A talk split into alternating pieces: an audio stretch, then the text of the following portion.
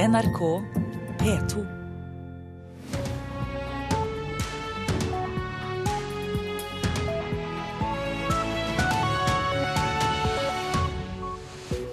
Og eh, Øystein Heggen tar deg med videre i Nyhetsmorgen og disse sakene. Det kan bli streik i vårens lønnsoppgjør, lite penger i potten og krangel om pensjon kan føre til konflikt. De som må leve med kreft, skal nyte godt av årets innsamlingsaksjon fra Kreftforeningen. Frelsesarmeen sliter med matmangel etter at butikkjedene sluttet å gi bort varer som er i ferd med å gå ut på dato. Og hva har Gud, kattevideoer og sangeren Taylor Swift felles? Bli med oss videre, så får du vite det. Det er altså betydelig fare for streik i vårens lønnsoppgjør. Det er lite penger i potten, og så er det da denne krangelen om pensjon. LO-ledelsen gikk denne uka inn for pensjonskrav, som arbeidsgiver i privat sektor sier er helt uaktuelle. Inger Lise Blyverke, direktør i Virke, tror det blir vanskelige forhandlinger. Dette oppgjøret kommer til å bli krevende.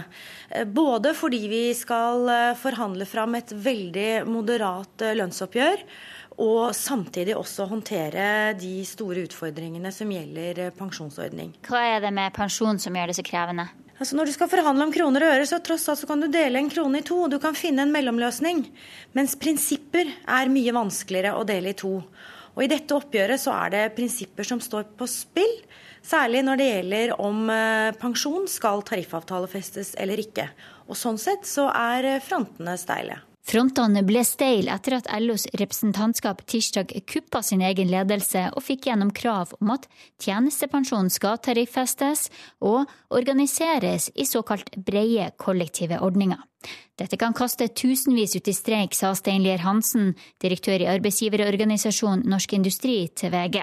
Det er sikkert vår tegn at han Steinlier Hansen er ute og dømmer LOs krav nord og ned når vi begynner å nærme oss tariffoppgjøret svarte LO-leder Gerd Kristiansen tirsdag. Inger Lise Blyverke, direktør for forhandling og arbeidslivspolitikk på arbeidsgiversida i Virke, sier også at det er helt uaktuelt å gå med på LOs krav om tariffesta pensjon. Det betyr i så fall at pensjon blir en del av tarifforhandlingene annenhver vår.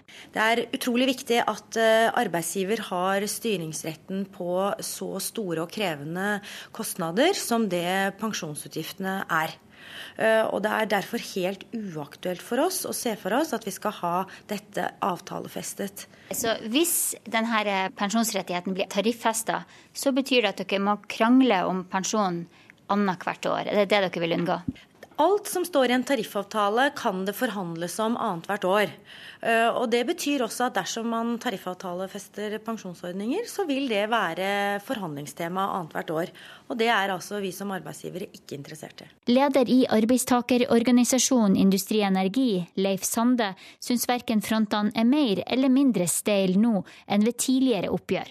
Og Sande, som har medlemmer i olje og gass og landbasert industri, tror det blir streik. At vi i et formålsvis lønnsoppgjør skal unngå en streik, det syns jeg er veldig, veldig rart. For at forbundsvis lønnsoppgjør har som regel med seg en eller annen streik på et eller annet område.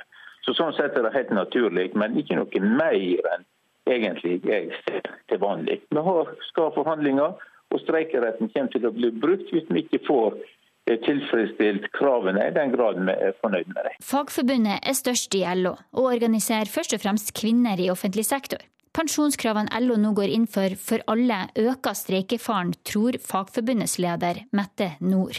Det vil øke faren for streik i privat sektor. Nå har vi hovedtyngden av våre medlemmer i offentlig sektor, hvor vi både har tariffesting og vi har livslange ordninger. Sånn at Det er ikke tema, men det er mange huller å tette etter pensjonsoppgjøret som vi hadde i 2009. sånn at Det er det vi skal i gang med nå. Det kommer til å bli krevende. Og reporter var Linda Reinholdsen. Nå har lokaliseringen av et nytt strålesenter for kreftpasienter blitt en dragkamp mellom Vestfold og Telemark. I dag må kreftpasienter fra de to fylkene som behøver stråleterapi, reise til Oslo eller Kristiansand. Seksjonslege Ole Kristian Andersen ved Sykehuset i Vestfold mener det er de som kan gi et best mulig tilbud. Vi har et mye mer robust utgangspunkt Som gjør at vi kan komme i gang med behandling av den første pasienten mye tidligere. Det sier Ole Kristian Andersen, leder ved onkologisk seksjon ved sykehuset i Vestfold. I dag må pasienter fra Vestfold og Telemark som behøver stråleterapi, reise til Oslo eller Kristiansand. Men innen 2019 skal det bygges et nytt strålesenter i enten Tønsberg eller Skien. Andersen mener det er liten tvil om at Vestfold er det beste alternativet. Han får støtte fra Erik Skåheim Haug, leder ved urologisk seksjon ved sykehuset i Vestfold. På bemanningssiden eh, så er man dobbelt så store, men man skal også være klar over at man i Vestfold også har en etablert sengepost og vaktordning innenfor kreftbehandling, som også gjør at også rammene rundt en, en stråleenhet ligger veldig godt til rette. Feil, mener Anne Augustad Larsen, avdelingsleder ved kreftavdelingen ved Sykehuset i Telemark. Vi har like gode forutsetninger, mener hun. De høringer og rapporter som kommer fra fagmiljøene er tydelige på at kompetansen er lik ved Sykehuset Telemark og Sykehuset Vestfold. Augustad Larsen sier Sykehuset i Telemark har et komplett behandlingstilbud. Så har vi satsa veldig på bredde i fagmiljøet, og ikke bare på den rene onkologiske kompetansen. Og nasjonalt sett så er vi ledende innen lindrende behandling i Norge. Det er styret i Helse Sør-Øst som tar avgjørelsen om hvor strålesenteret skal plasseres. Skåheim Haug mener et nytt strålesenter i Vestfold vil gi flere pasienter kortere reisevei.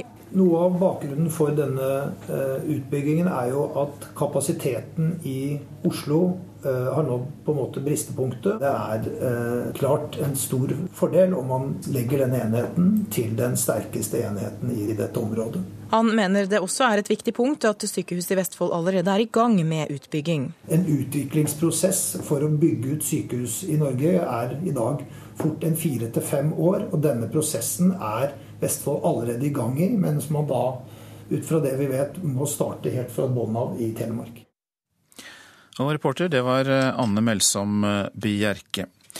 Og vi eh, fortsetter innenfor samme tematikken, men nå med at flere enn før lever med kreft med spredning. Men fortsatt er jo da overlevelsen lav for disse pasientene. Å leve med uhelbredelig kreft, det er tema for årets innsamlingsaksjon fra Kreftforeningen når 25 000 bøssebærere skal besøke norske husstander de to første ukene i mars. Og Derfor har du kommet hit, Anne Lise Ryhl. Velkommen. Tusen takk skal du ha. Du er generalsekretær i Kreftforeningen. Og hvorfor er de som allerede er rammet, målet for årets aksjon? Det er fordi på mange måter så er det en litt taus gruppe. Vi tenker ofte eh, på at eh, stadig flere overlever kreft, og det er jo fantastisk. Men vi tenker ikke på at en god del av de som overlever, blir ikke frisk av kreften, men de lever med kreft. Og når du lever med kreft, så er hverdagen din ganske annerledes. fordi at da har du ofte ikke en plan B i livet ditt. Du vet egentlig ikke helt hvor lenge du kommer til å leve. Men hvordan kan disse pengene dere får inn eh, bidra? Gjør ikke tar ikke samfunnet og familien hånd om eh, disse? Jo, men samtidig så Altså det ene vi vil med å samle inn penger, er jo å få mer penger til forskning som gjør at stadig flere kan få en behandling sånn at du blir frisk av eh, kreften. Men det er også viktig å, å kunne ha stadig bedre behandling som øker livskvaliteten når du skal leve med kreft. For du, det er jo ikke sånn at du, ikke, at du, slutter å gå til behandling. Ofte så får du en behandling som skal stagge kreften, eventuelt også redusere den litt, sånn at du kan leve lenger og med bedre livskvalitet. Og innenfor det området så er det mulig å forbedre. På hvilken måte kan man forbedre den eh, behandlingen eh, av de som allerede har, og som ikke blir kvitt den? Vet du hva, Det er ganske spennende det som skjer eh, egentlig nesten hver måned nå.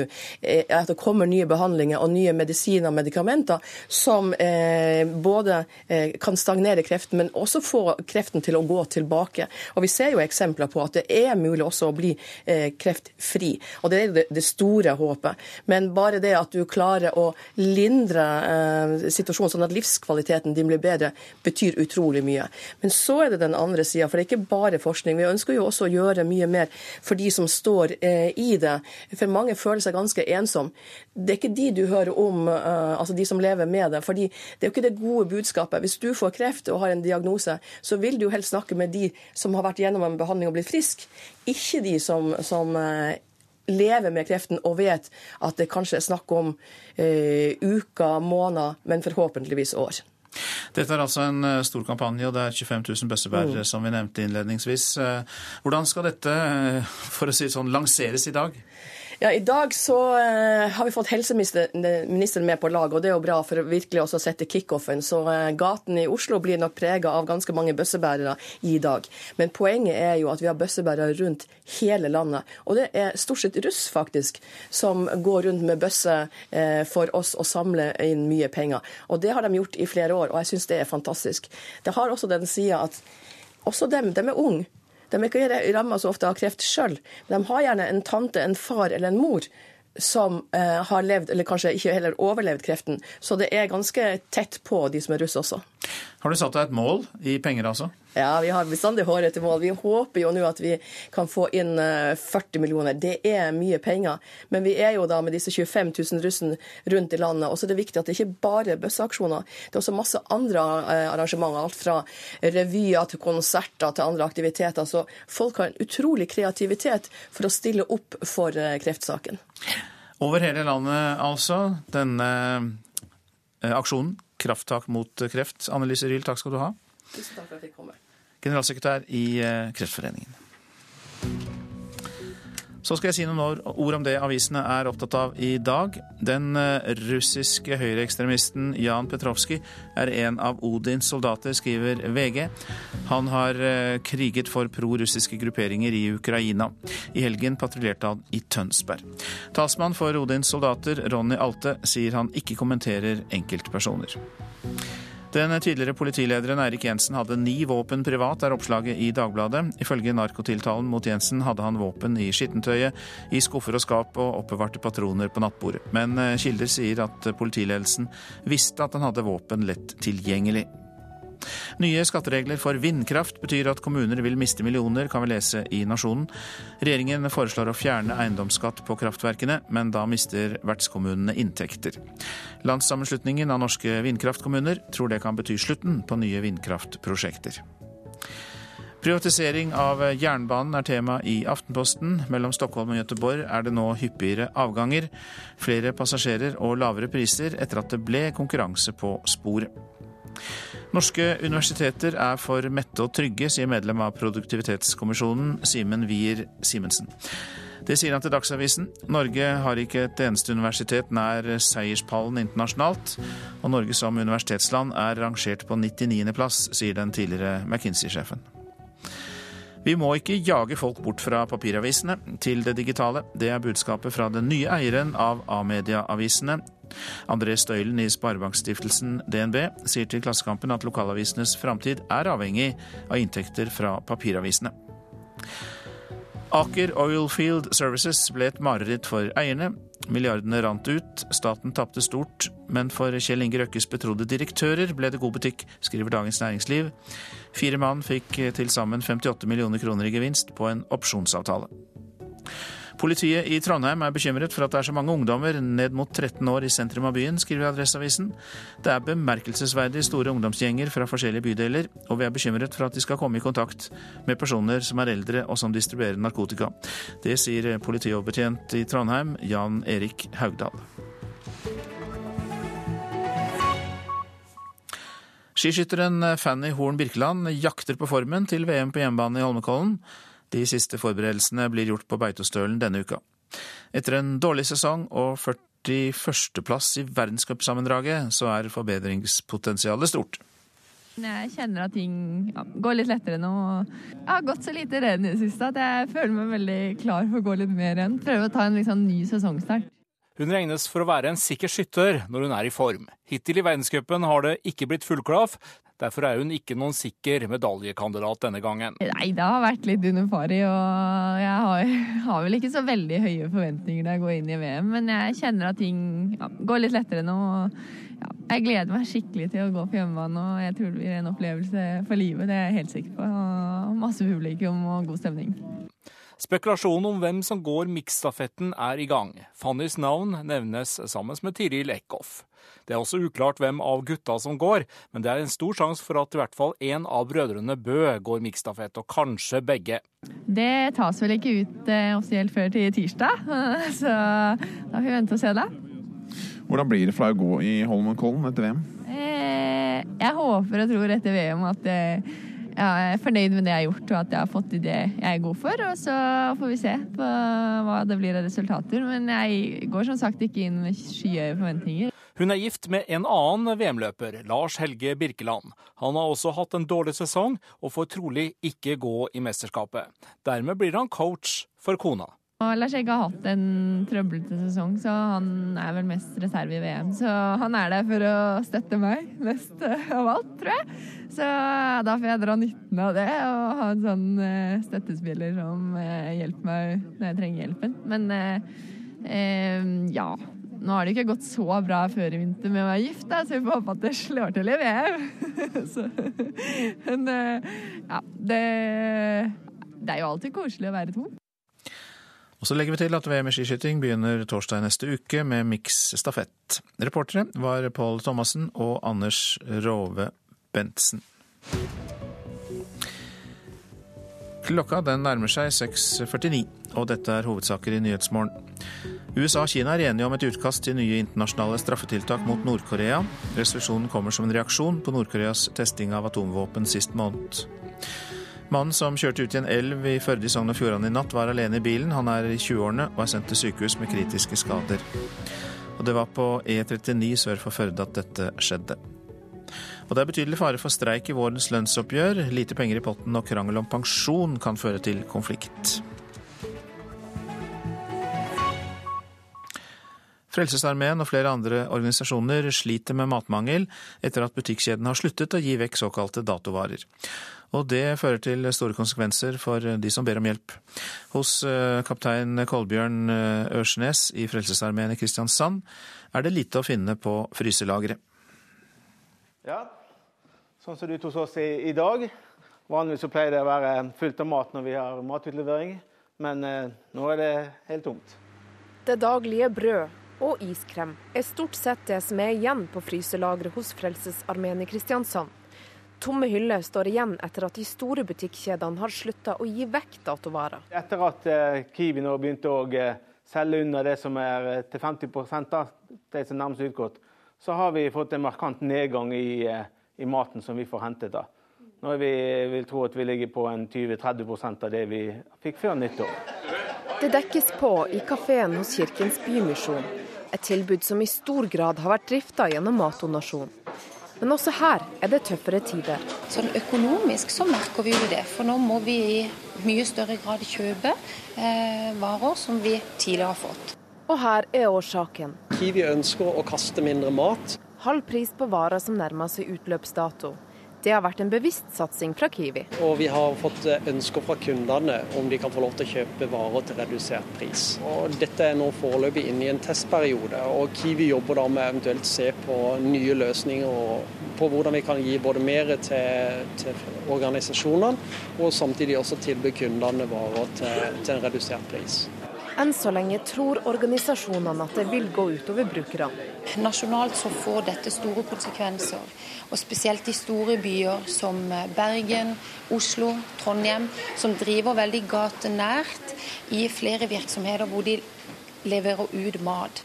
Nei, Det gir seg utslag i at eh, vi ikke har mat nok til alle som kommer. da. Eller de får mye mindre mat enn eh, for at vi skal ha til alle. Og det kan gjøre at noen ord vil bli sagt sjeldnere. Er det servert? Og reporter her, det var Liv Eva Welhaven Løken. Kulturlivet i Egypt protesterer etter at forfatteren Ahmed Nagi fikk to års fengsel for å ha skrevet en bok med eksplisitt seksuelt innhold. 150 forfattere og kunstnere har skrevet under på et støtteopprop, og en kjent TV-kommentator har kommet med overraskende sterk kritikk av president Abdel Fattah al-Sisi. Det var en domstol i bydelen Bulak her i Kairo som til slutt sendte Ahmed Nagi i fengsel. Forfatteren og journalisten ble dømt til to år ubetinget for å ha fornærmet offentlig moral med et kapittel i sin bok 'Bruken av livet'. Der følger vi en ung mann og hans venner, først gjennom en dop- og alkoholtung fest, før hovedpersonen ender hos en kvinne han har sex med, og alt beskrives i nærgående detalj. Boken ble også trykket som en føljetong i en av Egypts litterære tidsskrift, Akbar al-Adab, som ligger under en av de store statseide avisene. Dennes redaktør er dømt til å betale 10 000 egyptiske pund, omtrent det samme i norske kroner, i bot. Saken mot Nagi har vært gjennom mange rettsinstanser. Han ble først frikjent før han til slutt ble kjent skyldig, og domsavsigelsen har skapt opprør i Egypts kulturliv, selv om det fortsatt er ankemuligheter. 150 forfattere, intellektuelle og kunstnere har skrevet under på et støtteopprop. Av dem er nok forfatteren Al-Al Aswani mest kjent utenfor Egypts grenser. De mener dommen bryter med generelle og private friheter, og med den nye grunnloven, hvor ytringsfrihet er innskrevet. De mener også at den skriver seg inn i et mønster der forfattere og journalisters arbeidskår har blitt veldig vanskelige. Den mest direkte og skarpeste kritikken kommer fra en journalist og talkshow-vert. Han heter Ibrahim Eisa. Han støttet militærets maktovertagelse etter Mohammed Morsi i 2013, og er meget kjent i Egypt. Men han gikk til et uvanlig angrep direkte på president Abdel Fattah al-Sissis styre, som han beskyldte for å være et teokrati. I en direkte appell til presidenten sa han at din stat krenker grunnloven, plager tenkere og skapere og fengsler forfattere. Han tillot seg til og med å si at flere forfattere forfølges av rettsapparatet nå enn under Det muslimske brorskapets ett år ved makten. Den egyptiske staten har slått svært hardt ned på brorskapet, som nå er definert som en terrororganisasjon. Den har fengslet også mange sekulære kritikere, bl.a. som følge av en svært streng lov mot protester og demonstrasjoner på gateplan. Menneskerettighetsorganisasjoner her i Egypt vet ikke nøyaktig hvor mange som er fengslet av politiske årsaker, men det dreier seg om titusenvis av mennesker. Egypts politiske myndigheter hevder at rettsapparatet er uavhengig, og at de ikke kan blande seg inn i juridiske prosesser. Sigurd Falkenberg Mikkelsen, Kairo. Kona til Jonas Gahr Støre skriver bok om eh, kjærlighet, relasjoner og forholdet til Arbeiderpartilederen. Boken med tittelen 'Sammen jeg blir til i møte med deg' er planlagt utgitt i løpet av året, skriver VG i dag. Og det er forlaget Cappelen Dam som skal gi ut eh, Marit Slagsvolds samlivsbok. Hun er gestaltterapeut og sosiolog, og har tidligere skrevet en bok om vennskap. Hva har sangeren Taylor Swift, kattevideoer og Gud til felles? De gir oss eh, alle følelsen av å bli rørt, og det kan være grunnen til at de er så populære. Det viser forskning fra Universitetet i Oslo. Knyter det seg i brystet? Hjelp! Fikk du frysninger? I så fall opplevde du kamamuta, kjensla av å være rørt. Og ifølge Alan Fisk, antropologiprofessoren som forsker på kjensler på Universitetet i Oslo, er den blant de største kreftene som finnes. Well, really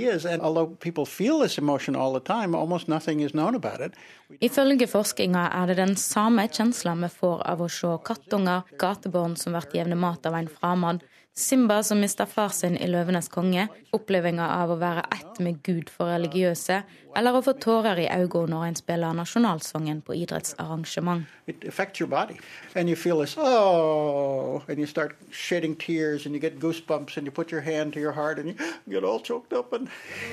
Mitt lille land en av videoene som har vært brukt i forskninga og rørt mange, er bilder fra Rosehavet etter 22.07. til Maria Mena som synger. Eh, og når noe så grusomt som 22.07 var, skjer, så er det allikevel en låt som på en måte beskriver hvor stolte vi er av dette landet her. Og får jeg kjenne at jeg blir rørt nå? og vi liker å bli rørt, og derfor søker vi det. And it can be mobilized in terrible ways. Hitler was, one, was extremely effective at evoking this emotion. Men denne hangen til kjensler kan også være farlig. Fisk nevner Hitler som en meister i å gi folk kjensler av å være rørt gjennom et fellesskap. Og i Norge mener han det er den samme kjensla som både gjør at folk handler for flyktninger, de blir rørt av at andre mennesker trenger hjelp, og det får de til å handle. Samtidig som det kan gjøre det motsatte, kjensla av fellesskap med grupper som mener nordmenn blir trua. So you could say, well, those, those of us who are pure Norwegian, we have to protect ourselves. Or you might say, Human beings are suffering. Reporter her, det var Maria Pile Svåsand. Så skal jeg ta for meg været fram til midnatt, og vi begynner med Langfjella. Liten nordvestlig kuling i høyfjellet. Oppholdsvær og perioder med sol. Fra utpå ettermiddagen kan det bli spredte snøbyger i vestlige fjellområder. Og så var det resten av fjellet, dvs. Si eh, Sør-Norge unntatt Langfjella. Periodevis liten nordvestlig kuling i høyfjellet og snøbyger. Flest byger blir det nord og vest. Østafjells får for det meste pent vær i dag, men eh, på Østlandet nord for Hamar kan det komme enkelte snøbyger. Rogaland enkelte sluddbyger og snøbyger langs kysten, ellers opphold. Hordaland enkelte sluddbyger og snøbyger. Flest byger kommer det midt på dagen i Hordaland. Sogn og Fjordane periodevis liten nordvest kuling på kysten nord for Florø. Det blir sluddbyger og snøbyger. Og så ser vi Møre og Romsdal og Trøndelag samlet. Liten nordvest kuling sør for Ørland. Snøbyger, til dels sluddbyger på kysten. Nordland spredte snøbyger på Helgeland, Lofoten og i Vesterålen. Ellers opphold og til dels pent vær. Troms enkelte snøbyger på kysten, ellers opphold og perioder med sol til og med. Og Finnmark får enkelte snøbyger, fra i ettermiddag oppholdsvær og til dels pent vær i Finnmark. Og det samme på Nordensjøland på Spitsbergen, egentlig. Oppholdsvær og til dels pent vær. Og Så går vi løs på temperaturene. Disse ble målt klokka fire i natt. Svalbard lufthavn minus fem, Kirkenes minus 16, Vardø minus to, Alta minus åtte, Tromsø-Langnes minus fem, Bodø minus fire. Så dukker det opp noen plussgrader her. Brønnøysund pluss én, Trondheim to, Molde én. Bergen-Flesland hadde minus tre, Stavanger null, Kristiansand-Kjevik minus tre, Gardermoen minus sju, Lillehammer minus åtte, Røros minus to, og på Oslo-Blindern var det minus seks.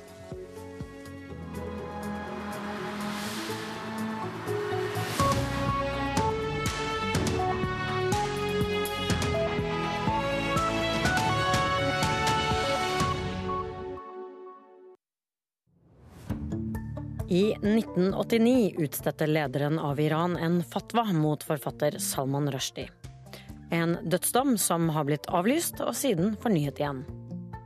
Nå har et utvalg iranske mediebedrifter samlet inn 600 000 dollar i skuddpremie på Rushdie. Hva er det som skjer? Hør Kulturhuset i dag klokken 13.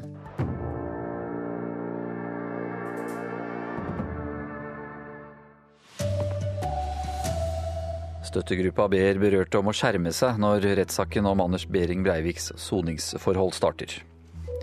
Flere enn før lever med kreft som har spredt seg, men fortsatt er overlevelsen lav. Her er NRK Dagsnytt klokka sju ved Anders Borgen Werring. Støtteforeningen etter 22.07 råder medlemmene om å skjerme seg når rettssaken om Anders Behring Breiviks soningsforhold starter om to og en halv uke. Breivik soner en dom på 21 års forvaring etter terrorangrepene 22.07.2011, og blir holdt i en egen høysikkerhetsavdeling ved Skien fengsel.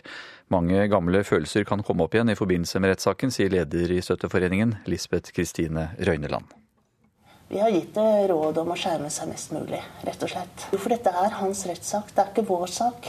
Eh, det kommer ikke til å bli fokus på de berørte i noe særlig grad i den rettssaken, og det kan føles veldig vondt for mange, tror jeg. De har sendt e-post til alle medlemmer for å fortelle hva som skal skje. Det er viktig å forberede seg, sier hun. Det er jo sår som ikke har grodd i det hele tatt, og det at den rettssaken kommer nå, er en stor trigger for mange. Jeg syns hele saken er rett og slett absurd. Han går, han går til sak mot staten, og staten, det er oss, da. Derfor føles det veldig, veldig rart, egentlig. Reporter Ellen Omland, og i Nyhetsmorgen på NRK P2 straks blir det mer om den kommende rettssaken. Norske ambulanser kommer for sent fram, viser tall fra Helsedirektoratet. Det er 16 år siden Stortinget satte mål for responstid, men fortsatt når bare sju av ti ambulanser fram på tolv minutter i tettbygde strøk, melder Dagens Næringsliv. Ellers i landet er åtte av ti framme innen 25 minutter, men Stortinget mener at ni av ti skal eh, klare det. Helseminister Bent Høie krever at de regionale helseforetakene setter i gang arbeider for å bedre resultatet. Flere enn før lever med kreft med spredning, men fortsatt er overlevelsen lav for disse pasientene. Og eh, å leve med uhelbredelig kreft er tema for årets innsamlingsaksjon fra Kreftforeningen. Generalsekretær Annelise Ryl forteller hvorfor. Det er fordi på mange måter så er det en litt taus gruppe. Vi tenker ofte eh, på at eh, stadig flere overlever kreft, og det er jo fantastisk. Men vi tenker ikke på at en god del av de som overlever, blir ikke frisk av kreften, men de lever med kreft. Og når du lever med kreft, så er hverdagen din ganske annerledes. fordi at da har du ofte ikke en plan B i livet ditt. Du vet egentlig ikke helt hvor lenge du kommer til å leve. USA og Kina er enige om et utkast til nye internasjonale sanksjoner mot Nord-Korea. Resolusjonen kommer som en reaksjon på Nord-Koreas testing av atomvåpen sist måned. I resolusjonsforslaget står det at man ikke vil akseptere Nord-Korea som en atomstat. Og utkastet skal nå opp til diskusjon i FNs sikkerhetsråd. Det var NRK Dagsnytt. Nyhetsmorgen fortsetter med disse sakene. Vi spør krisepsykolog Atle Dyregrov om han vil råde rammede og pårørende etter 22.07-terroren om å skjerme seg under saken som behandler Breiviks soningsforhold. Nyvalg, kompromiss eller må en statsråd gå? Vi følger regjeringskrisen i Danmark. Norge setter av 30 millioner kroner ekstra til Hellas' håndtering av flyktningstrømmen. Og folkehøyskolene tilbød seg å ta imot enslige mindreårige flyktninger, men få kommuner har takket ja til tilbudet. Som vi hørte i Dagsnytt, eh, Støtteforeningen etter 22.07 råder medlemmene til å skjerme seg når rettssaken om Anders Behring Breiviks soningsforhold starter om to og en halv uke. Breivik soner jo en dom på 21 års forvaring etter terrorangrepene 22.07.2011, og blir holdt i en egen høysikkerhetsavdeling ved Skien fengsel. Han har saksøkt staten fordi han mener soningsforholdene er i strid med menneskerettighetene. Det kommer jo nå snaut fem år etter, og det er jo sår som ikke har grodd i det hele tatt. Og det at den rettssaken kommer nå, er en stor trigger for mange. Lisbeth Kristine Røyneland er leder av Støtteforeningen for 22. juli. De forbereder seg på rettssaken som starter om to og en halv uke.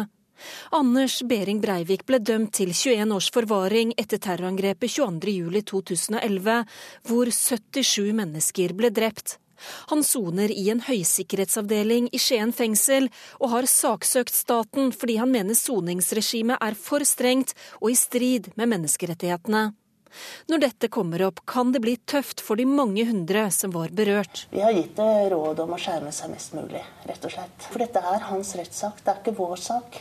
Eh, det kommer ikke til å bli fokus på de berørte i noe særlig grad i den rettssaken, og det kan føles veldig vondt for mange, tror jeg. De har sendt ut e-post til alle medlemmene, hvor de forteller hva som skal skje, hva saken handler om, og at den ikke handler om hvorvidt han kommer ut eller får kortere soningstid. Jeg syns det er synd at det blir såpass mye oppmerksomhet rundt, eh, rundt eh, terroristen. Jeg, jeg synes det. Vi forstår at det er en viss medieinteresse i den rettssaken også.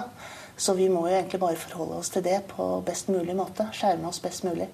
Rettssaken skal gå i gymsalen i Skien fengsel pga. sikkerhetstiltak, men blir videooverført til Oslo tingrett. Der kommer Røyneland til å være som representant for støttegruppa, men de har også noen plasser i Skien fengsel. Erik Kursetgjerde er styremedlem av støttegruppa i Møre og Romsdal, og vurderer å være der hvis noen berørte trenger det. I media så blir det gjerne blåst opp enkeltdeler av saken, mens de, mens de delene man kanskje lurer på, som går på deres egen, eller, eller eh, som går på andre ting, ikke blir skrevet noe om. Og da er det greit å ha noen å venne seg til, da, på en måte. Det er satt av fire dager til rettssaken. Fire dager med avisoppslag, TV og radio. Jeg syns hele saken er rett og slett absurd. Han går, han går til sak mot staten, og staten, det er oss, da. Derfor føles det veldig, veldig rart, egentlig.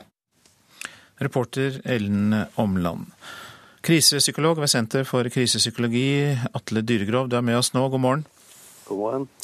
Hvordan kan denne rettssaken og det som da må bli en ny omtale av Breivik i mediene, påvirke de som ble direkte berørt?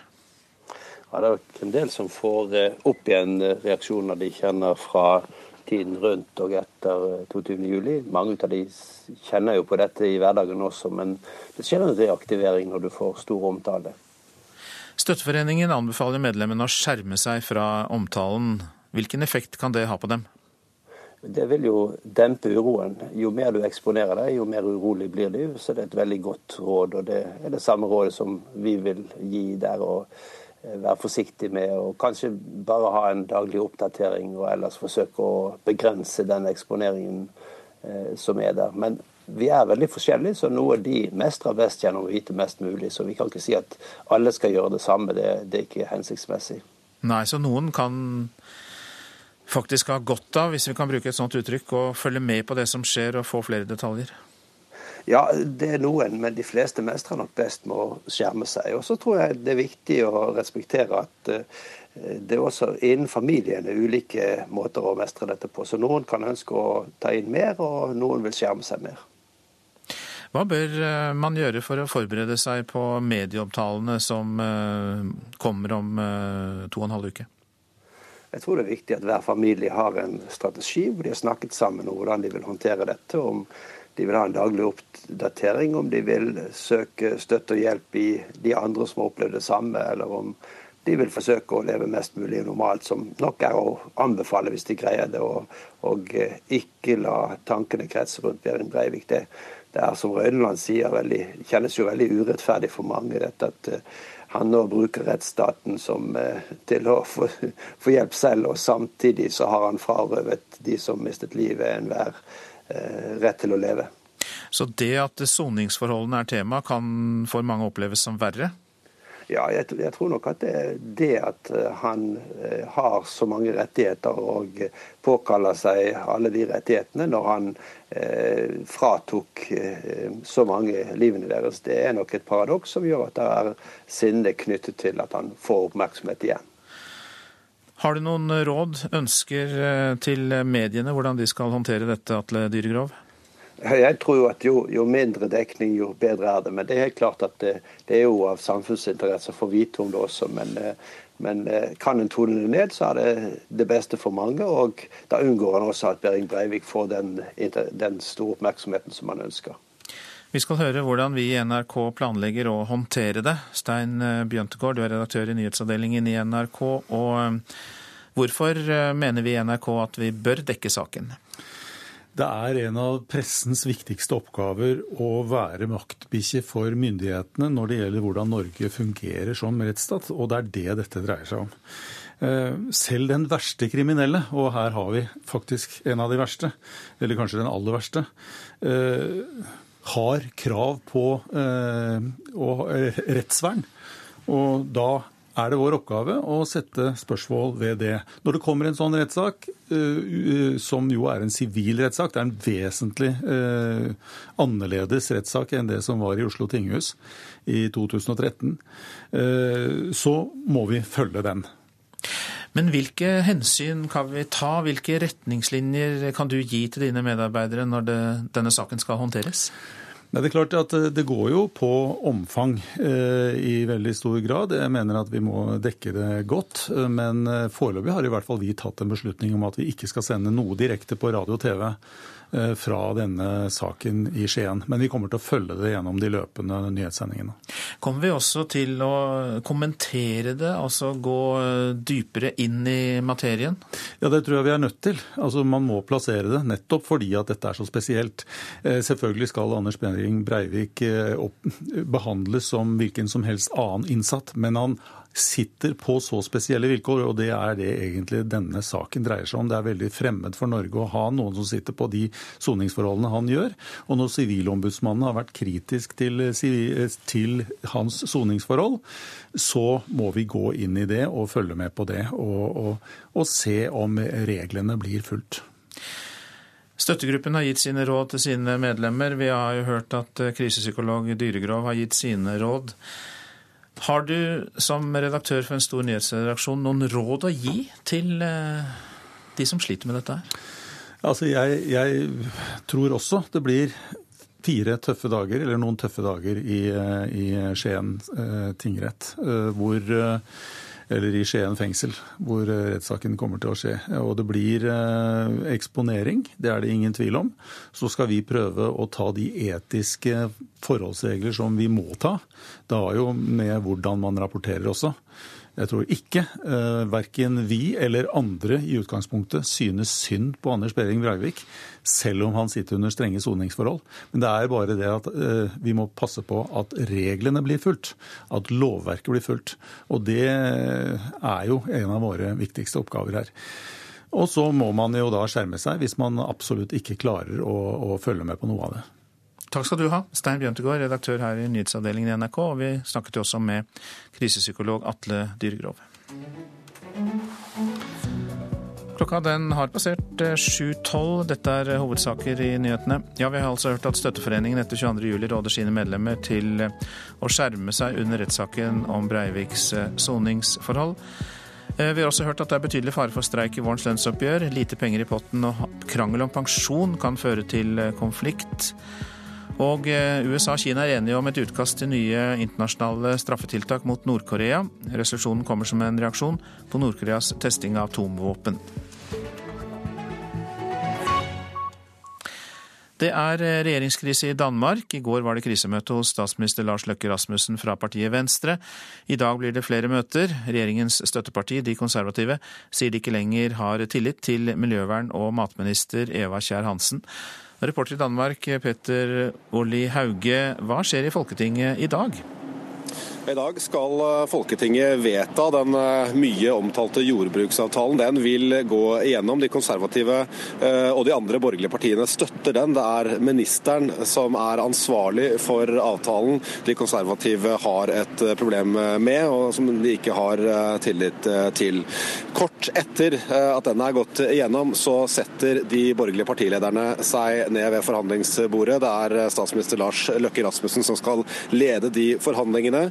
Der skal man se om man kan lage en tilleggsavtale til denne jordbruksavtalen. Men det blir også et spørsmål om tilliten og samarbeidsklimaet på borgerlig side. Er det borgerlige samarbeidet levedyktig? Det tror jeg Lars Løkke Rasmussen ønsker svar på. Og nå har de gitt seg litt tid. Frem til søndag har de sagt at de skal forhandle før de må komme til en enighet. Hva er grunnen da til at denne miljøvern- og matministeren er så forferdelig dårlig likt blant de konservative støttepartiene? De eh, mener hun har eh, pyntet på tallene i denne jordbruksavtalen for å eh, få miljøprofilen til å se bedre ut. De føler seg rett og slett ført bak lyset av Eva Kjær Hansen. det gjør for så vidt også de partiene på rød side i dansk politikk, men de to andre støttepartiene på borgerlig side har ikke noen problemer med, med denne jordbruksavtalen. Lars Løkke Rasmussen har jo også sagt at han har full tillit til Eva Kjær Hansen. Men det er altså hva slags tall som ligger til grunn for de vurderinger som er gjort i, i avtalen.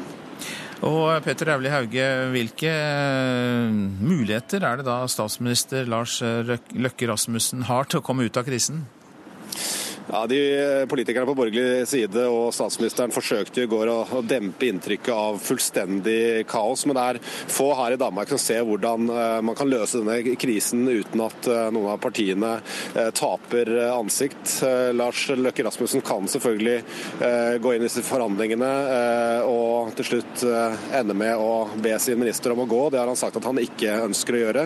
Så kan de konservative få betydelige seire i en ny avtale, men vil tape ansikt hvis nå Eva Kjær Hansen blir sittende som miljø- og matminister. Og til slutt så har man jo muligheten Lars Løkke Rasmussen har til å skrive ut et nyvalg, men både Venstre og de konservative er vel de to partiene som kanskje har mest å tape på et nyvalg i Danmark nå, kort tid etter at etter det forrige folketingsvalget begge partiene ligger dårlig an på de ferske meningsmålingene som kom i går her i Danmark. Mange takk skal du ha, reporter i Danmark Petter Auli Hauge. Nå om fredsprosessen i Colombia, for den var i ferd med å spore av i forrige uke. Norske og cubanske diplomater har jo jobbet på spreng for å få partene sammen igjen. De er jo tilretteleggere for forhandlingene, og til slutt lyktes de. Det har vært såpass vanskelig at uh, man var bekymra for at uh, man ikke greide å gjenoppta forhandlingene når det skulle gjenopptas sier utenriksminister Børge Brende, som kom hit til New York direkte fra timelange krisemøter i Colombia og Cuba. Det som utløste den siste konflikten, var FARC-geriljaens besøk i hjemlandet, der de reiste rundt og snakket med sine støttespillere. Det er omtalt som pedagogiske besøk, nå som en fredsavtale er i sikte. Colombianske myndigheter reagerte kraftig da geriljaens forhandlere viste seg offentlig, eskortert av geriljasoldater med våpen og uniform. Så dette holdt på å spore av. Men det det har vist oss, er jo at når man driver med den type fredsforhandlinger, så er det utrolig viktig å være enige om alle detaljene. Og her var det nok noen misforståelser mellom partene som måtte ryddes opp i. USAs president reiser også til Cuba, der forhandlingene om Colombias framtid pågår. Han kommer samtidig som fristen regjeringens forhandlere har satt for å bli enige om en avtale, løper ut. Det er jo mye press nå for at man skal uh, kunne ha f.eks. en enighet rundt uh, en våpenhvile, en permanent våpenhvile knytta til president Obamas besøk, historiske besøk på Cuba 21. og 22. mars. Utenriksminister Brende er ikke trygg på at forhandlingene kommer i mål innen de fire neste ukene. Jeg tror å ha på plass en fullstendig avtale om, mellom colombianske myndigheter og FARC innen 23.3, tror jeg er veldig optimistisk. At man kan få på plass en delavtale, det utelukker jeg ikke. Men jeg, jo, jeg tror ikke det er noe vei tilbake nå. Men man skal ikke være 100% skråsikker heller. Og den runden som har vært nå, har vært veldig krevende. Og som jeg sa, så er det såre følelser på begge sider nå, som vi må forsøke å adressere på en konstruktiv måte. FN her i New York har gått med på å sende uvæpnede observatører til Colombia for å se til at begge parter overholder en kommende fredsavtale. Utenriksministeren vil trekke FN enda tettere inn i Colombia når konflikten er over. Man må eh, ta inn over seg at seks millioner mennesker er internt fordrevne, hvordan man skal finne løsninger for dem. Så her er FN FN er utrolig bra eh, plassert eh, til å gjøre en jobb her. Så det skal vi diskutere nå i ettermiddag, hvordan eh, vi kan bruke FN mer aktivt. Utenriksminister Børge Brende til reporter Anders Tvegård. Norge setter av 30 millioner kroner ekstra til Hellas, som går til landets håndtering av flyktningstrømmen. 50 000 flyktninger kom sjøveien bare i januar og februar, og Hellas prøver nå å forbedre registreringen av de mange som kommer. Det har økt drastisk her på Lesvos. Vi har haft, eh, jämfört med forrige året da vi hadde ca. 700 personer som har kommet fram. Eh, fram til nu i år har vi haft 50 000 plus. Vi har förberett og økt de eh, olika faciliteterna som finnes her på Lesvos. Så at, eh, vi er mer forberedt enn vi var ett år siden. Men om det skulle øke ytterligere, må vi se hur ytterligere må utöka personalstyrkorna. Det sa altså Patrick Mansour, som arbeider for FNs høykommissær i en flyktningleir på øya Lesbos. Og korrespondent Tore Tollersrud, du er også på denne greske øya. Hvordan har flyktningene det der? Jo, de kommer hit eh, i store mengder, som Mansour fortalte her. Det er jo eh, enorm eh, antall som har kommet hit i januar og februar i år i forhold til tilsvarende periode i fjor. De kommer hit sjøveien. Det er jo Hellas og de greske øyene som er selve inngangsporten til Europa for de fleste flyktningene. Hit kommer de og blir ekspedert ganske hurtig. Lesbos er plukket ut som et av flere såkalte hotspots der hvor altså flyktningene blir registrert, fingeravtrykk blir tatt. Og så blir de ganske raskt eh, sendt av gårde til Aten med båter på kveldene her. Og Den norske europaministeren Elisabeth Aspaker kommer til Lesbos i dag. Hva skal hun gjøre der? Hun skal eh, besøke de leirene som tar imot og registrerer flyktningene. Eh, som vi hørte innledningsvis, så har hun med seg penger i sekken. Vil si, Norge donerer jo en god del EØS-midler til Hellas, og nå omdisponeres penger. Mer penger settes inn til flyktningformål, bl.a. fordi Hellas ikke har klart å bruke opp de pengene de allerede har fått. Østerrike og landene på den såkalte Balkanruten har jo nå nektet afghanere da, å komme over eh, grensene. Hvordan påvirker det Hellas? Det påvirker Hellas eh, sterkt, og det irriterer dem. Eh, det betyr at eh, mange, svært mange flyktninger nå er strandet i Hellas. og Det er snakk om flere titusener, ifølge landets flyktningminister. Og Det fortelles nå at afghanske flyktninger sover på torgene i Aten. Eh, flyktninger hoper seg opp her, og eh, eh, grekerne mener at de helt uforholdsmessig nå må ta store byrder i denne store flyktningkrisen som Europa akkurat har. Mange takk skal du ha, korrespondent Tore Tollersrud, som altså er på den greske øya Lesbos, og skal da også selvfølgelig møte den norske europaministeren Elisabeth Aspaker, som kommer til øya i dag. Så tar vi for oss eh, det avisen er opptatt av.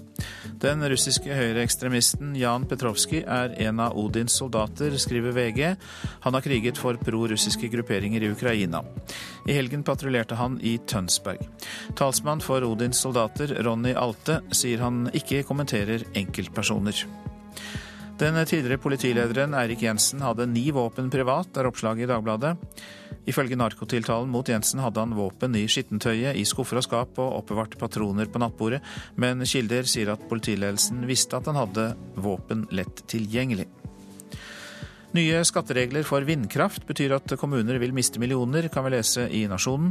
Regjeringen foreslår å fjerne eiendomsskatt på kraftverkene, men da mister vertskommunene inntekter. Landssammenslutningen av norske vindkraftkommuner tror at det kan bety slutten på nye vindkraftprosjekter. Privatisering av jernbanen er tema i Aftenposten. Mellom Stockholm og Gøteborg er det nå hyppigere avganger, flere passasjerer og lavere priser, etter at det ble konkurranse på sporet. Norske universiteter er for mette og trygge. Det sier medlem av Produktivitetskommisjonen Simen Wier Simensen til Dagsavisen. Norge har ikke et eneste universitet nær seierspallen internasjonalt. Og Norge som universitetsland er rangert på 99.-plass, sier den tidligere McKinsey-sjefen. Vi må ikke jage folk bort fra papiravisa til det digitale. Det er budskapet fra den nye eieren av A-media-avisene. André Støylen i Sparebankstiftelsen DNB sier til Klassekampen at lokalavisenes framtid er avhengig av inntekter fra papiravisene. Aker Oilfield Services ble et mareritt for eierne. Milliardene rant ut, og staten tapte stort. Men for Kjell Inge Røkkes betrodde direktører ble det god butikk, skriver Dagens Næringsliv. Fire mann fikk til sammen 58 millioner kroner i gevinst på en opsjonsavtale. Politiet i Trondheim er bekymret for at det er så mange ungdommer eh, ned mot 13 år i sentrum av byen, skriver Adresseavisen. Det er bemerkelsesverdig store ungdomsgjenger fra forskjellige bydeler, og vi er bekymret for at de skal komme i kontakt med personer som er eldre og som distribuerer narkotika. Det sier eh, politioverbetjent i Trondheim, Jan Erik Haugdal.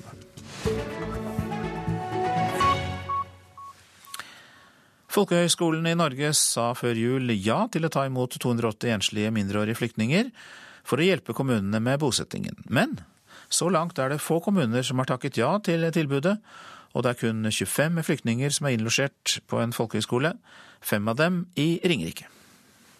Akhtar, hva liker du? Jeg liker fotball. På Ringerike folkehøgskole sitter fem gutter i et klasserom. Tre fra Afghanistan, to fra Eritrea. De fem har vært i Norge mellom seks og ti måneder, og nå går de på en nyopprettet linje på skolen som heter Ny i Norge. Saman? Jeg liker å spille fotball. Du liker å spille fotball. Jeg liker å spille biljard. Bra. Jeg liker å danse. 17-årige Saman Isar forteller han kom til Ringerike folkehøgskole forrige uke, og at han allerede trives godt. Veldig bra.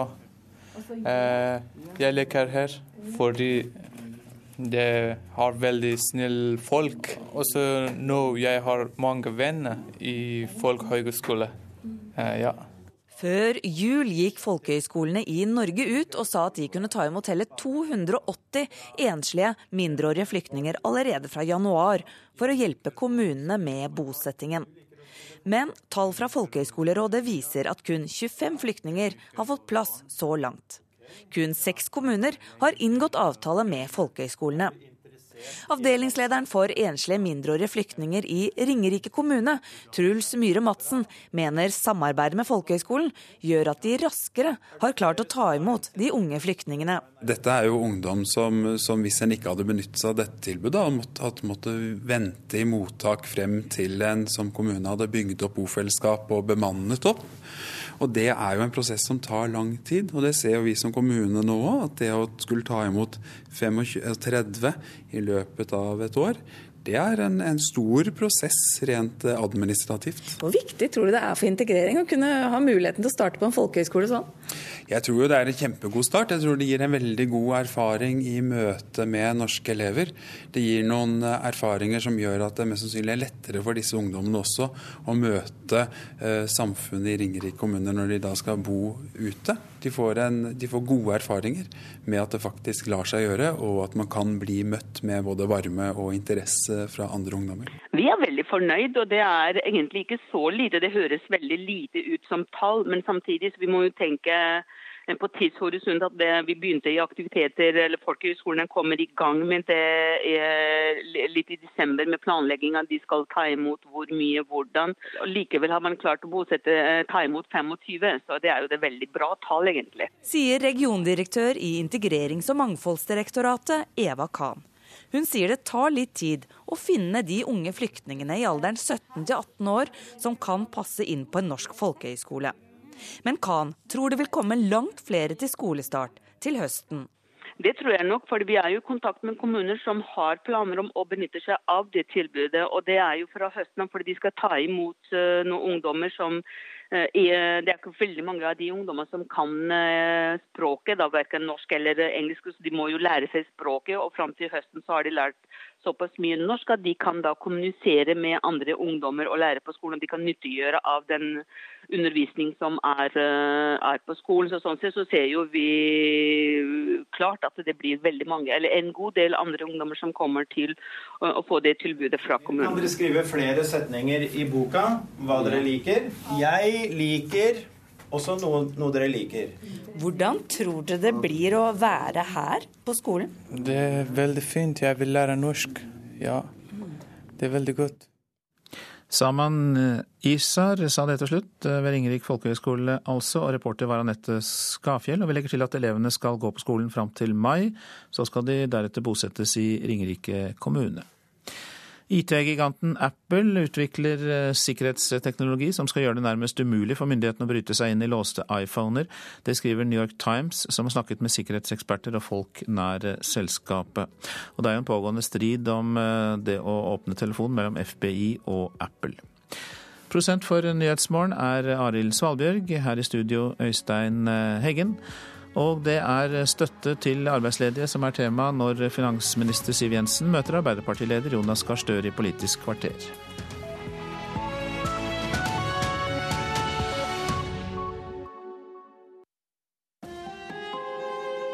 Hør ekko. Et sted å bo er nøkkelen, ikke bare til døra, men til et bedre liv. Nå får mange bolig først, før han har bevist at han greier å være rusfri og såkalt bodyktig. Hvordan går det? For han og for naboen? Ekko 9 11 i NRK P2.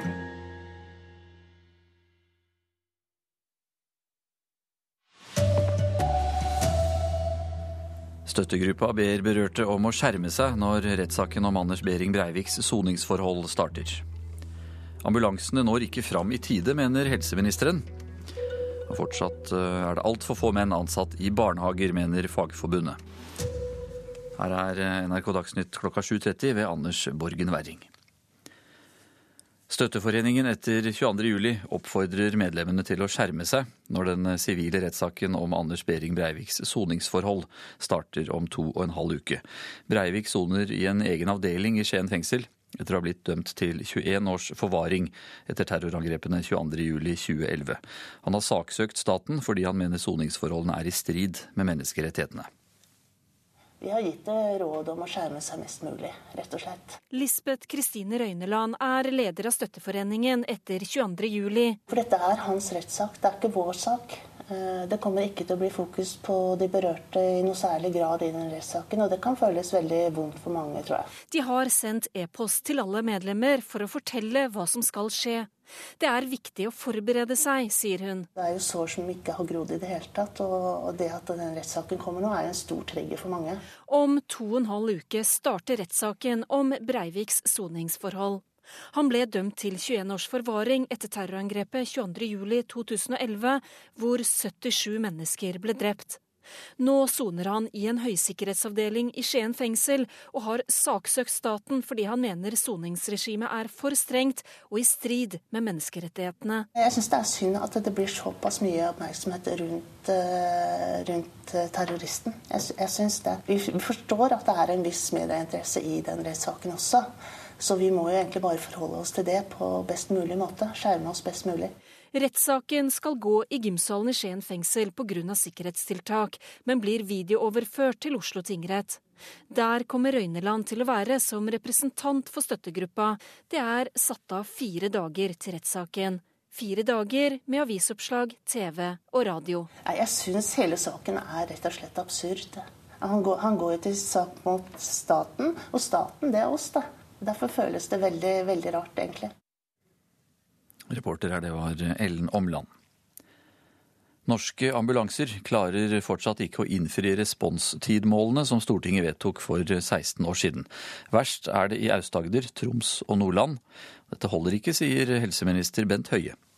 Jeg tenker at dette ikke er godt nok. Tall som blir lagt fram i dag av Helsedirektoratet viser at flere av utrykkingene til ambulansene i Norge ikke kommer fram på den tida de skal. Bare sju av ti ambulanser kommer fram i tide i tettbygde strøk, skriver Dagens Næringsliv. Ellers i landet er åtte av ti framme innen 25 minutter. For 16 år siden vedtok Stortinget responstidene for ambulansen, men ingen har til nå sjekka om de faktisk holder tidene. Helseminister Bent Høie krever nå at helseforetakene tar grep.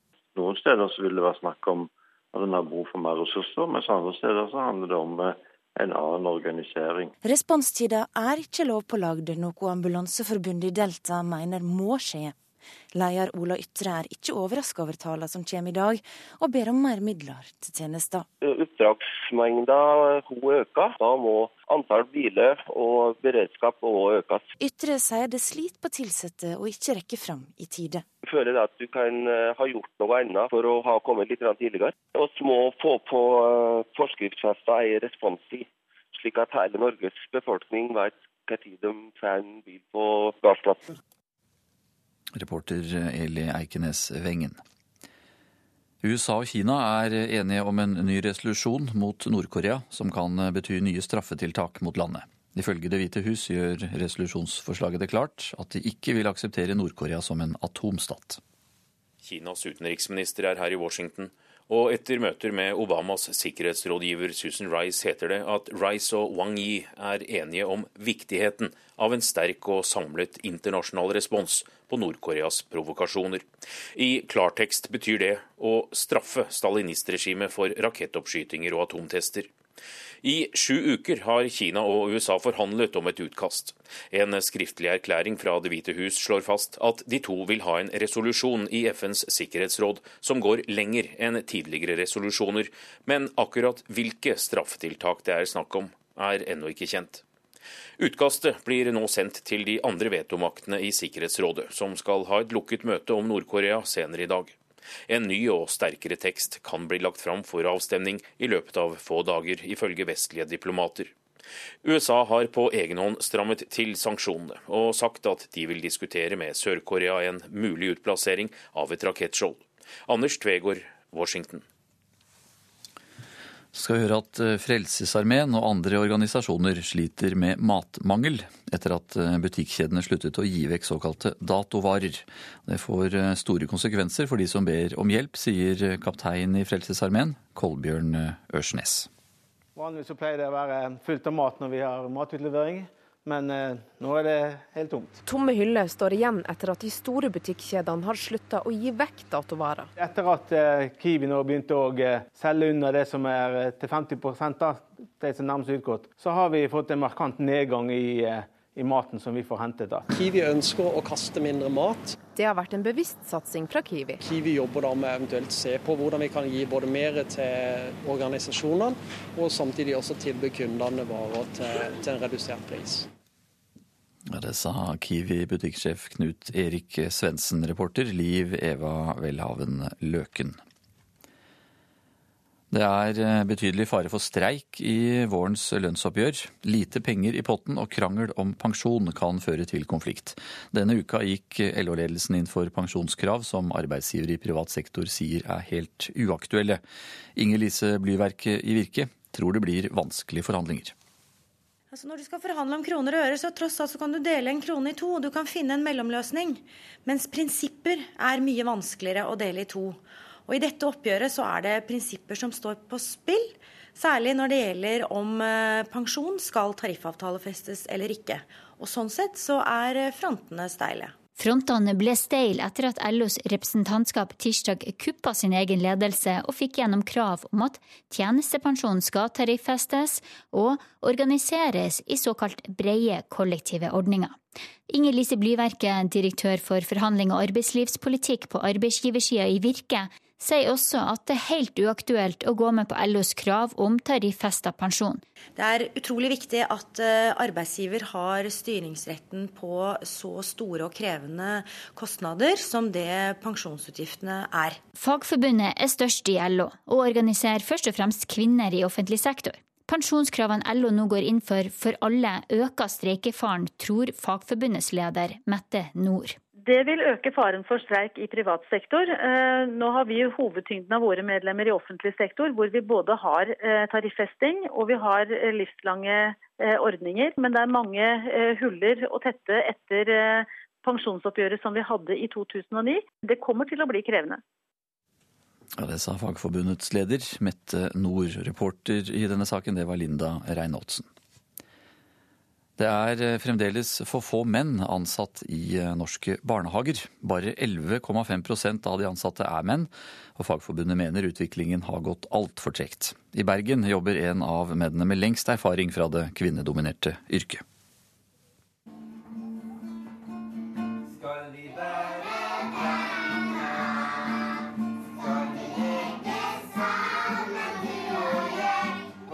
Ottar Foss har jobbet her ved Bergen barneasyl i snart 40 år.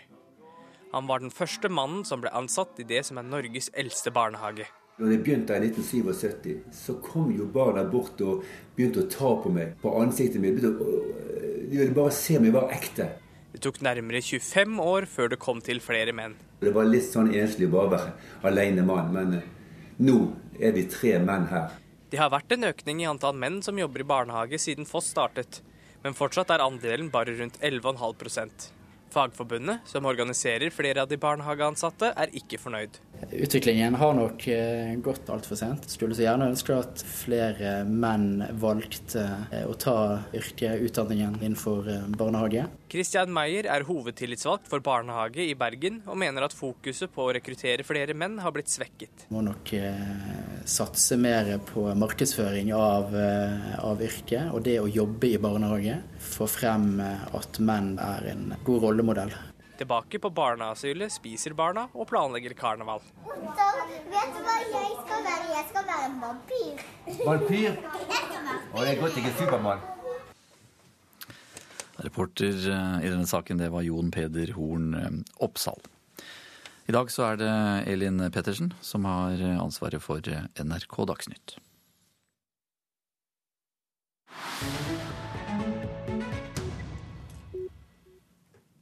Nyhetsmorgen skal til Sør-Afrika. Der utspiller det seg en forbløffende rettssak. I hovedrollen er ei jente som ble bortført fra fødestuen for 18 år siden.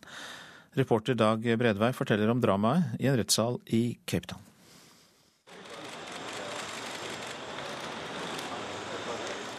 Blitslampene går varme utenfor rettslokalet i Cape Town. Fotografer har ikke adgang på innsiden. De som er inne i retten får høre om et drama som forbløffer, og som nådde sitt klimaks gjennom et oppsiktsvekkende sammentreff. Selv om hovedpersonen ikke kan identifiseres foreløpig, er medier fra mange land til stede utenfor domstolen i Cape Town.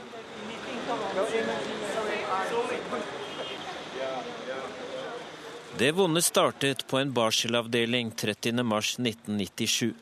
En 18 år gammel kvinne hadde tre dager tidligere født en velskapt jente. Kvinnen lå på et rom med flere andre nybakte mødre. Hun var plassert nærmest utgangsdøra med den lille barnesenga rett ved utgangen. Den nybakte moren var sliten og falt i søvn. Hun våknet av at babyen gråt, og av en ung dame i sykepleieruniform som spurte er det greit at jeg tar opp barnet. Moren svarte at det var ok, før hun igjen duppet av. I retten i går brøt moren til denne babyen sammen flere ganger. Med gråtkvalt stemme fortalte hun at kort tid etterpå kom en sykepleier og spurte hvor er babyen din? Hva mener du? En sykepleier var jo nettopp her, svarte kvinnen. Alle forsto at noe var galt. Alle løp omkring på sykehuset for å finne babyen, men spedbarnet var borte.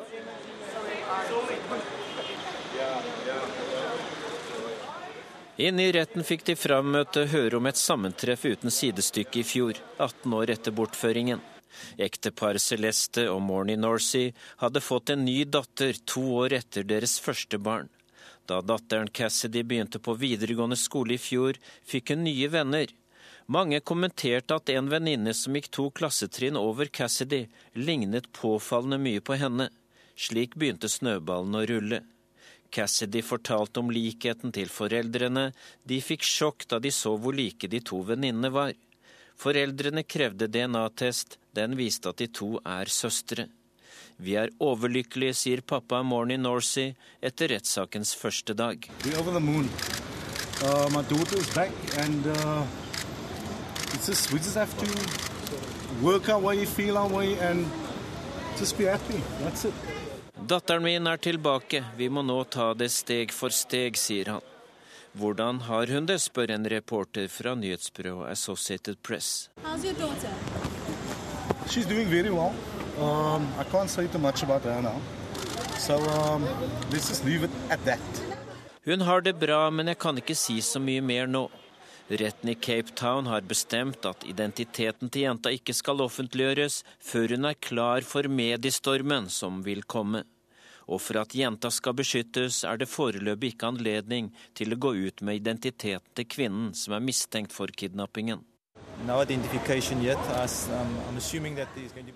Ingen offentliggjøring inntil videre, gjentar kvinnens advokat Rias Khan. Den mistenkte er nå 50 år gammel. Hun skal ha vært gjennom en rekke spontanaborter i sine yngre år. Inntil nå har hun nektet for at hun kidnappet barnet den skjebnesvangre dagen. Kvinnen hevder at hun ikke bortførte, men adopterte barnet. Hun mener hun har vært i god tro helt siden hun overtok spedbarnet fra en ung kvinne på en togstasjon i Cape Town i april 1997. Dette er hovedsaker i Nyhetsmorgen. Støtteforeningen etter 22.07 råder sine medlemmer til å skjerme seg mot rettssaken om Anders Behring Breiviks soningsforhold. Norske ambulanser eh, klarer fortsatt ikke å innfri responstidmålene som Stortinget vedtok for 16 år siden. Verst er det i Aust-Agder, Troms og Nordland. Fortsatt er det altfor få menn ansatt i barnehagene, mener Fagforbundet. Bare 11,5% av de ansatte er menn. Og det er betydelig fare for streik i vårens lønnsoppgjør. Lite penger i potten og krangel om pensjon kan føre til konflikt.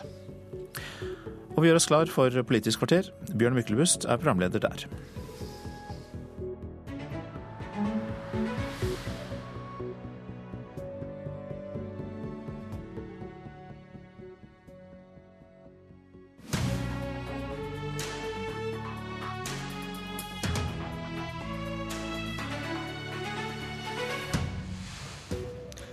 Stortinget er holdt for narr. Arbeidsledige er holdt for narr. Regjeringen bløffet da den lovet 4 milliarder i tiltak mot ledigheten på Sør- og Vestlandet. Det er påstandene fra Jonas Gahr Støre.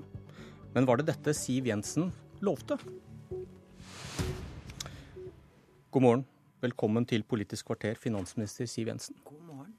Det var et stort bilde av deg og statsministeren på forsiden av Stavanger Aftenblad i går. Den store bløffen var tittelen.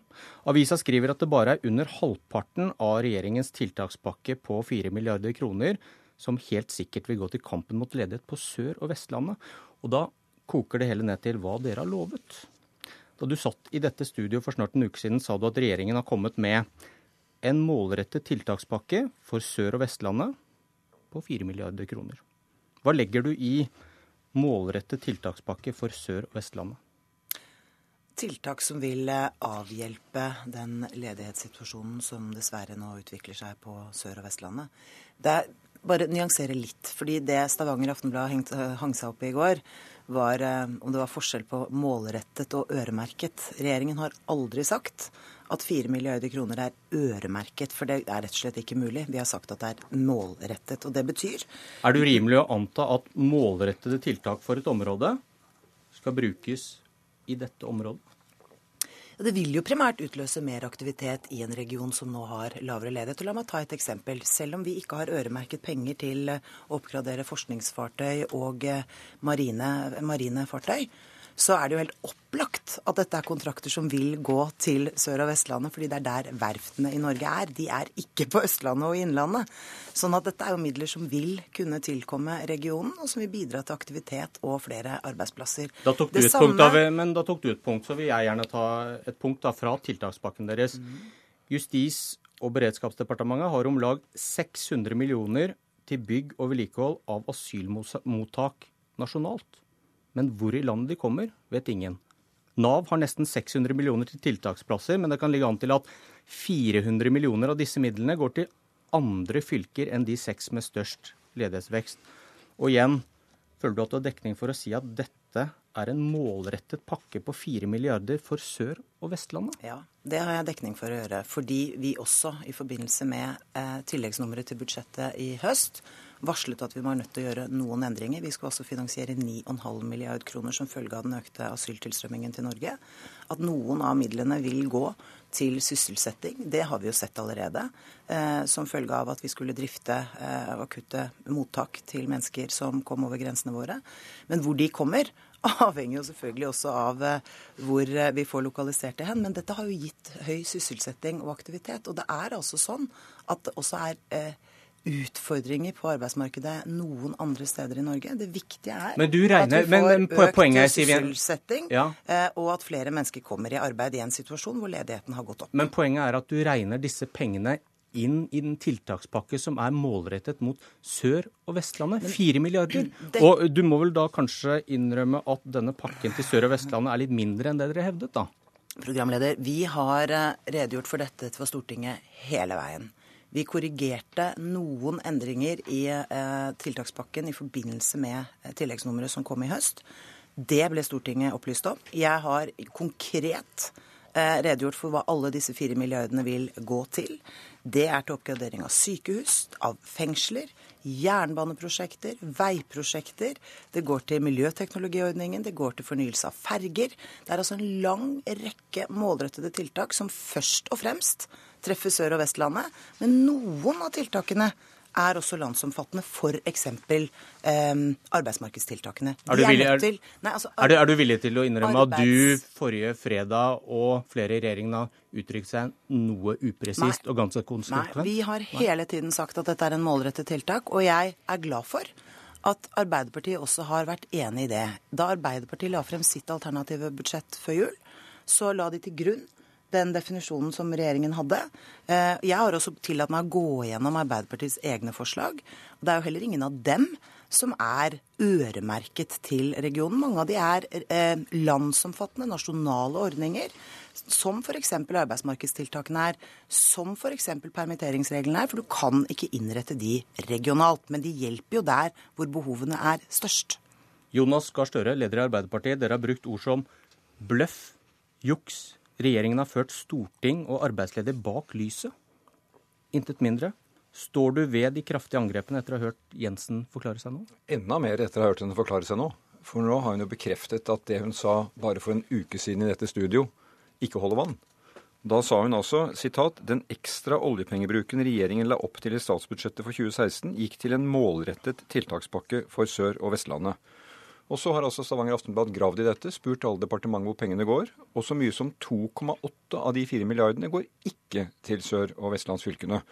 Og da er det altså rundt en tredjedel som går til det de sier. Og det må vi, mener jeg, kvalifisere for det Stavanger Aftenblad skriver på sin første side, eh, som en bløff. Du, siterte en del av tallene, eh, som går til altså tiltak rundt om i landet, tiltak det må søkes på.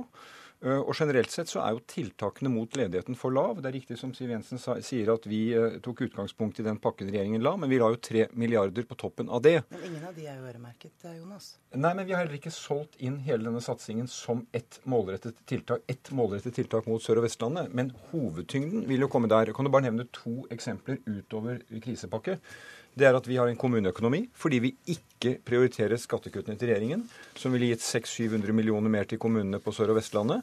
Og vi har ordninger som f.eks. ville gjort det mulig at disse kommunene kunne pusset opp og rehabilitert bygg for over en milliard. Det er eksempler som bare i seg selv går over det som vi skal ta, Vi skal ta litt av din politikk etterpå, men uh, denne påstanden om at det er bløff og juks, hvorfor er det så viktig for deg å si det når du hører Jensen sier at ja, men dette er både generelle tiltak som Sør- og Vestlandet kan nyte godt av, og så er det noen spesifikke tiltak som, uh, som vil hjelpe det området. Jo, men Hadde hun sagt dette gjennom høsten, så kunne hun fått sagt at hun holdt ord. Men hun har jo markedsført at krisepakken ekstra oljepengebruk er godt målrettet til Sør- og Vestlandet. Det er jo nå dokumentert at ikke er tilfellet. Og da mener jeg at det er riktig at situasjonen i Norge er ujevn. Det er særlig den regionen det kommer nå daglige, ukentlige nyheter som er ganske dramatiske i form av oppsigelser, økning i ledighet. Eh, og da må jo tiltakene vi setter inn være godt gjennomtenkte og målrettet mot den regionen. Er det det samme som øremerket? Nei, altså det kan jeg gi... Er det en krangel om ordet? Nei, men Det kan jeg gi finansministeren rett i. at Om det øremerking er at du beskriver at her kommer penger til det bygget og den veistrekningen. Men når det er målrettet, så betyr det at det er rettet inn mot regionen og med en fordelingsmekanisme innen den regionen i samarbeid med fylke og kommuner, og opp mot de næringene som sliter. Men Tiltakspakken er jo målrettet fordi den utløser særlig aktivitet i en region som trenger mer hjelp. Som jeg nevnte, det at når vi gjør tiltak for eh, Vossabanen og Jærbanen, når vi skal pusse opp sykehus særlig på Sør- og Vestlandet, fengsler på Sør- og Vestlandet, så kommer det jo særlig denne regionen til gode. Så er det riktig at det er noen tiltak som er eh, av landsomfattende karakter, f.eks. tiltaksplasser. Men de må være det. Eh, regelverket tilsier at det må være det. Det betyr jo at de utløses der hvor behovet er størst. Og for øyeblikket går altså ledigheten mer opp i denne regionen, mens den går ned i andre deler av landet. Mange av de søknadsbaserte ordningene eh, vil jo treffe der hvor søknadene kommer i størst monn. Et eksempel på det så vi jo da vi fylte på eh, midlene til Innovasjon Norge i august. Det var jo fordi det var en særlig økning i søknadene fra Sør- og Vestlandet som gjorde at vi fylte på den med 100 millioner, slik at flere kunne få innrømmet sine søknader. Så dette er jo tiltak som virker, og det mener jeg er veldig bra. Så er det jo, eh, syns jeg, ganske spesielt når Jonas Gahr Støre nok en gang trekker skattekortet.